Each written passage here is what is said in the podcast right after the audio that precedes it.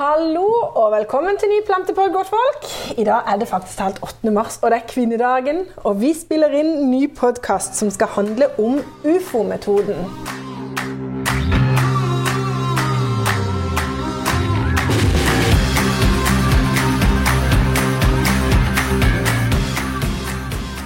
Eller hør, Morten.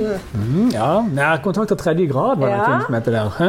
Så er det ikke sikkert han kommer ut i dag, denne podkasten, men at eh, vi, han kommer ut en av de nærmeste dagene i hvert fall. Ja. Ja, så er det sagt. Og du lurer litt på hva UFO-metoden er? Ja, nå skal vi gå grundig til verks. Ja. Så øh, vil du først og fremst fortelle meg hva er ufo-metoden, og hvorfor har du skapt den? Ja, Det er ikke noe jeg har skapt, men det er noe jeg har tatt til meg og videreutvikla og brukt til flere frukt- og bærbusker enn det den var opprinnelig tenkt for. Det var opprinnelig tenkt på som til bruk for Den brukes veldig mye eh, til moreller. Ja. Um, og og um, UFO-metoden er altså da Det står for eh, upright, Upright. fruiting, offshoots. Altså opprett, opprettvoksende, fruktbærende greiner. Ok. Ja. Og, og da hører du litt hva det her Ja. handler om, ikke sant? Og, og når du da får eh, Når du da får et frukttre, eller Ja. eh, for eksempel hvis vi nå bruker frukttre, så, så legger vi de ned når vi planter de. Altså vi planter de på veld, veldig på skrå. Mm. Og så er det bare en liten bøy på stammen. Mm. Og så er det noen av frukttrærne har jo litt greiner, og noen har ikke særlig mange. Ja. Men det er det meninga, for det at alle planter ønsker å komme oppover. ja. Så når du legger et tre ned, Så kommer alle sidegreinene. ja, og da kommer mange sidegreiner, men det du, det du må gjøre for å unngå at de likevel kommer i enden, er at du lar tuppen peke litt nedover Ja. på slutten. Så vil du få veldig mange eh, skudd henover stammen, ja. og så så skal du ta vare på de kraftigste skuddene, og så skal du ha ca. 20 cm mellom hvert skudd. ja.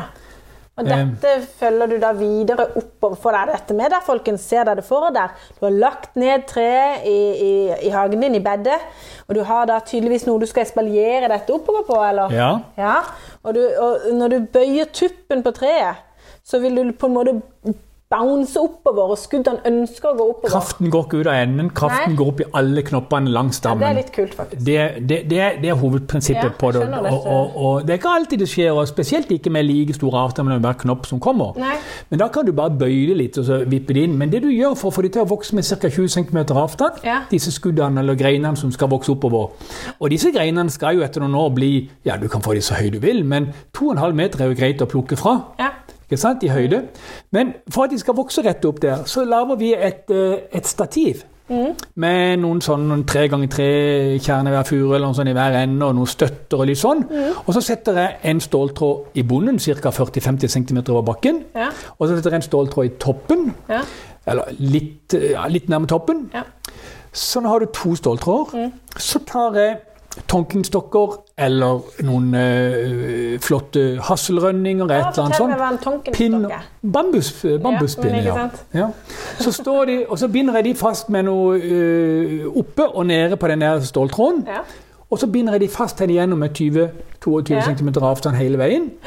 Og så binder jeg greinene inntil de tonkingstokkene. Altså er det ordentlig fengsel? Ja, rett og slett. Der binder du det opp, og så begynner de da å vokse, og så begynner det å komme små greiner ut. Og disse små greinene de skal du klippe inn litt. Ja. For skal, vi skal ikke ha så veldig mye sidevekst her, vi skal ha toppvekst. Skal? Men alle sidegreiner skal kuttes inn til én knopp ca. For da kan det være du, det, eh, kan det være du pro provoserer til, til sporeknopper, altså blomsterknopper. Ja. For nå er det meninga at det skal være fullt av blomster hele veien opp igjennom på disse her, og det er det faktisk. ja. Jeg har gjort dette her i flere år nå. Ja. Og uh, de aller fineste morellene og epler og alt mulig. Men det, det kuleste med å bruke ufo-metoden er jo det at du får jo utrolig mye uh, frukt på veldig lite areal. ja.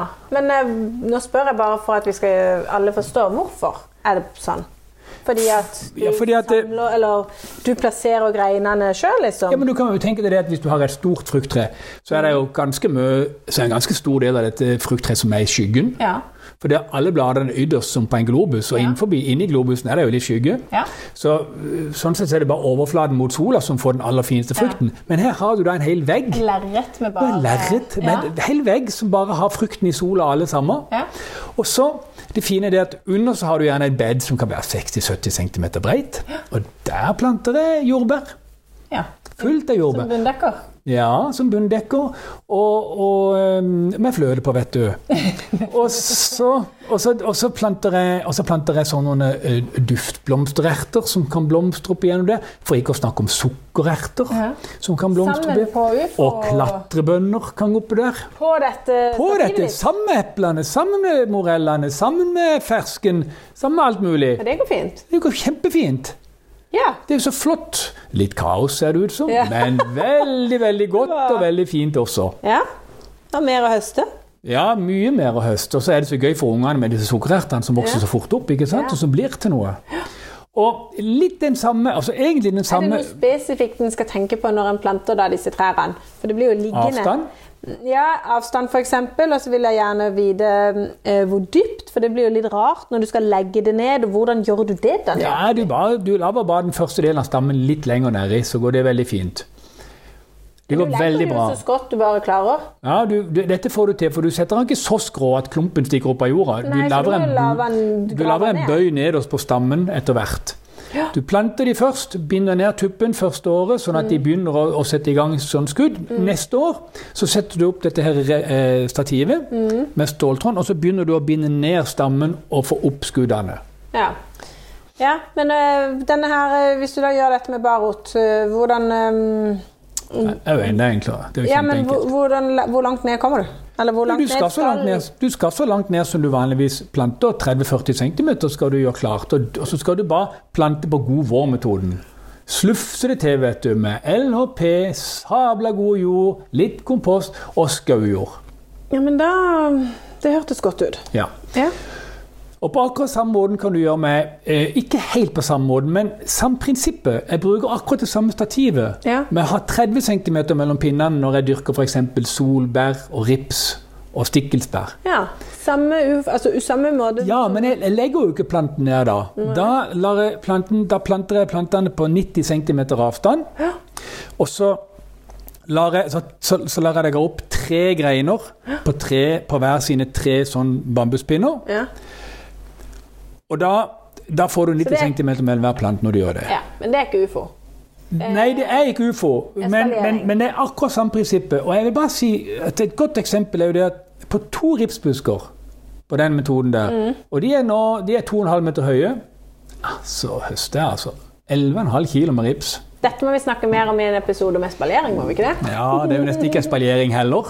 Nei, det er bare fantastisk. Men jeg er enig i det. det er veldig, men det er jo virkelig upright fruiting offshoots. Det Ja. er det, Eller i hvert fall shoots. Ja. Så vi kunne jo eh, kalt den for um, UFS. ja. Men uansett, da. Ja, altså, denne UFO-metoden er usedvanlig hyggelig. Og det fine med den er også det at det, du skaper deg, den her fruktveggen som Ja. du lager, den er jo ikke bare til å ha i ei rad i kjøkkenhaven. Den er jo suveren som hekk. Ikke sant? Ikke sant? Og hvis du lager to stykker av dem, så kan du ikke se gjennom. Nei. Ikke sant? Med et par dele- meters Det er jo avstand. sånne romdelere. Ja.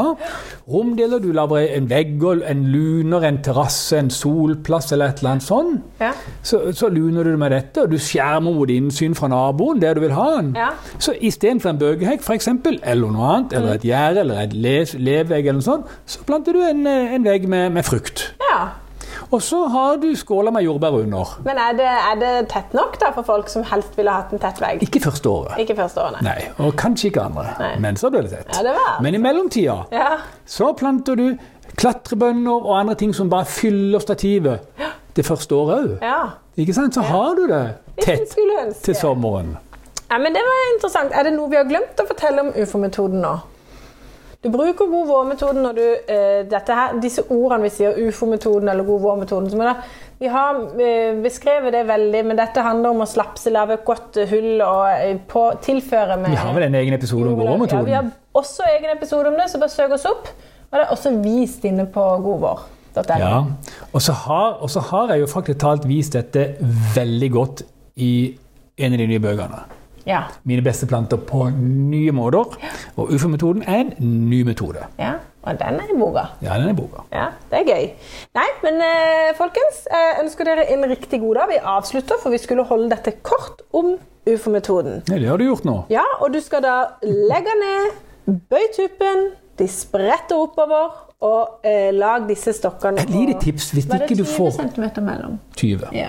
Hvis ikke du får de antallsgudene du ønsker Mm. Det hender at du kan få fem istedenfor syv eller seks eller noe sånt, ikke sant? på 21 eller noe sånt. Så, så skal du altså prøve å Nei, det kan jeg vise seinere, du. Det er et sånt triks. he? Ja, jeg lager et hakk over knoppen som jeg ønsker skal bryte. Ja, Jeg skjærer med kniven inn over knoppen. ok.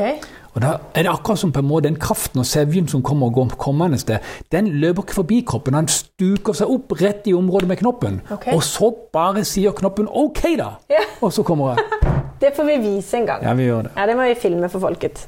Nei, men den er god. Da sier jeg ha en riktig god dag.